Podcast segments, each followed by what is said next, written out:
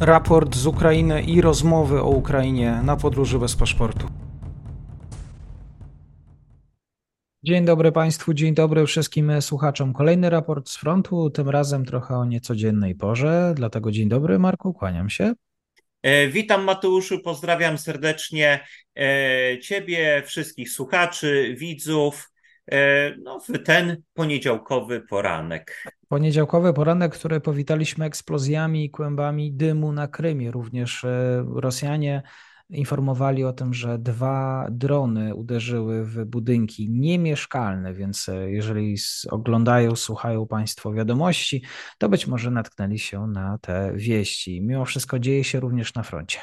Tak, to prawda. E, tutaj, e, co prawda, ja zacząłem od oczywiście mapy na odcinku słobożańskim, ale tutaj warto właśnie tak też zwrócić uwagę na Krym, bo faktycznie mamy do czynienia z pewną intensyfikacją ataków ze strony ukraińskiej. E, tutaj zaatakowano właśnie obiekty e, wojskowe w pobliżu miasta Jankoj w północnym Krymie. Jest to, tak warto podkreślić, dość ważny węzeł komunikacyjny. Jak Państwo tutaj widzicie, znajduje się tutaj węzeł kolejowy ale są też bazy wojskowe, niedaleko jest lotnisko. Także jest to bardzo ważne miejsce, jeżeli chodzi o rosyjską logistykę.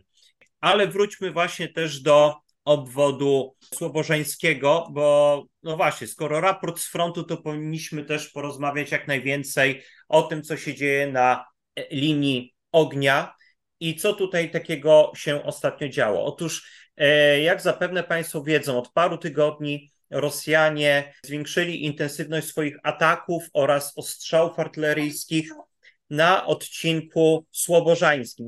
E, odcinek słowożański zaczyna się od granicy z Rosją na północy i biegnie aż do rzeki Doniec. Choć e, niektórzy jeszcze zaliczają e, do walk na tym odcinku boje o Biłochorivkę, która znajduje się z kolei na południowym brzegu rzeki Doniec. A ta rzeka przebiega właśnie tutaj po tej linii. I gdzie się tutaj toczą te najbardziej intensywne walki? Co się takiego stało w ciągu ostatnich kilku dób w trakcie tego y, naszego ostatniego weekendu? No, otóż przede wszystkim Rosjanie odnieśli no, taki największy sukces właśnie w tym miejscu. Jest to odcinek pomiędzy wsią Rajchorodek a wsią e. E, I tutaj widzimy, że doszło do takiego wybrzuszenia, jak zapewne tutaj Państwo widzą. E, te wybrzuszenie jest właśnie największe na zachód od wsi Karmazyniwka. E, otóż właśnie w trakcie tego weekendu Rosjanie przeprowadzili w tym rejonie bardzo intensywne ataki. Zdołali wypchnąć oddziały ukraińskie na zachód w kierunku miejscowości Czerneszyna i Nowosergijówka. Udało się Rosjanom również zbliżyć linię frontu pod samą Makijówkę. Walki się toczą również o wsie Nadia i Sergijówka. E, być może obie znajdują się w strefie kontestowanej, czyli szarej, e, choć Deep State tego e, terenu jeszcze właśnie tak nie oznaczyło, ale jest to niestety dość prawdopodobne. E, negatywne informacje e, dochodzą z Nowojechorivki. Prawdopodobnie ta wieś nie znajduje się w strefie kontestowanej, ale może być już przez Rosjan zajęta. No i teraz e, warto sobie odpowiedzieć na pytanie, czy Rosjanie odnieśli tu jakiś wielki sukces, czy mamy do czynienia z przełamaniem frontu? Otóż, no, drodzy Państwo, z bliska te wybrzuszenie wygląda groźnie i niepokojąco, ale jeżeli cofniemy mapę, to automatycznie widzimy, że te wybrzuszenie nie jest jakoś specjalnie wielkie. Także można powiedzieć, że w skali operacyjnej nie doszło jeszcze do jakiegoś wielkiego przełomu na korzyść Rosjan, aczkolwiek no, ta sytuacja też nie jest jakoś, e, można powiedzieć, dla Ukraińców wesoła. Z taktycznego punktu widzenia no, nie, jest, e, nie jest to sytuacja taka dobra, kolorowa. Poza tym Rosjanie, warto wspomnieć, atakują y, stale rejon wsi nowoseliwskie, Stelmachiwkę. Walki toczą się również tutaj na południe od Masiutiwki, Perszego Łymanu i Wilszany Rosjanie stale atakują pozycje ukraińskie pod Synkiwką. E, tutaj mamy jedynie niewielkie e, przesunięcia na linii frontu. No i rzecz jasna też można powiedzieć, że stale dochodzi do wymiany ognia w lesie syrybriańskim. Las syrybriański znajduje się na południowy zachód od Kreminej, czyli właśnie w tym obszarze. Tutaj mamy do czynienia cały czas z walkami. E, najczęściej atakują tutaj Rosjanie, to oni mają inicjatywę. E, próbują oni również nacierać tutaj na, e, na w tej południowej części odcinka Słobożeńskiego e, w kierunku wsi Torskie, która znajduje się tutaj, oraz w kierunku wsi Newskie. Ona właśnie pojawia się nam tutaj, przybliżymy mapę. Także tutaj w tej południowej części Ukraińcy z grubsza trzymają swoje pozycje.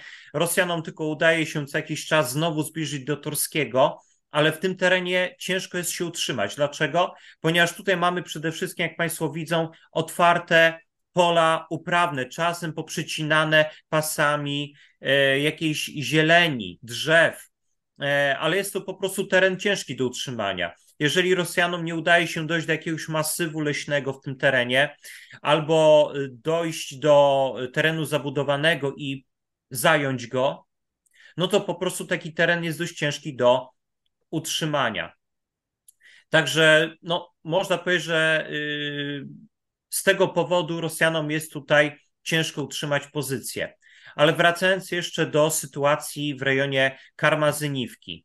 Warto też zerknąć, drodzy Państwo, na mapę fizyczną, która pokazuje e, wysokość terenu. I właśnie tutaj, drodzy Państwo, mamy ten rejon rejon Karmazyniwki, e, Rajchorodka, Nowowodianego.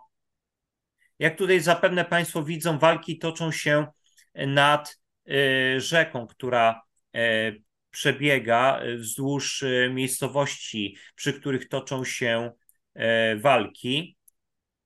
To jest rzeczka Żerebeć.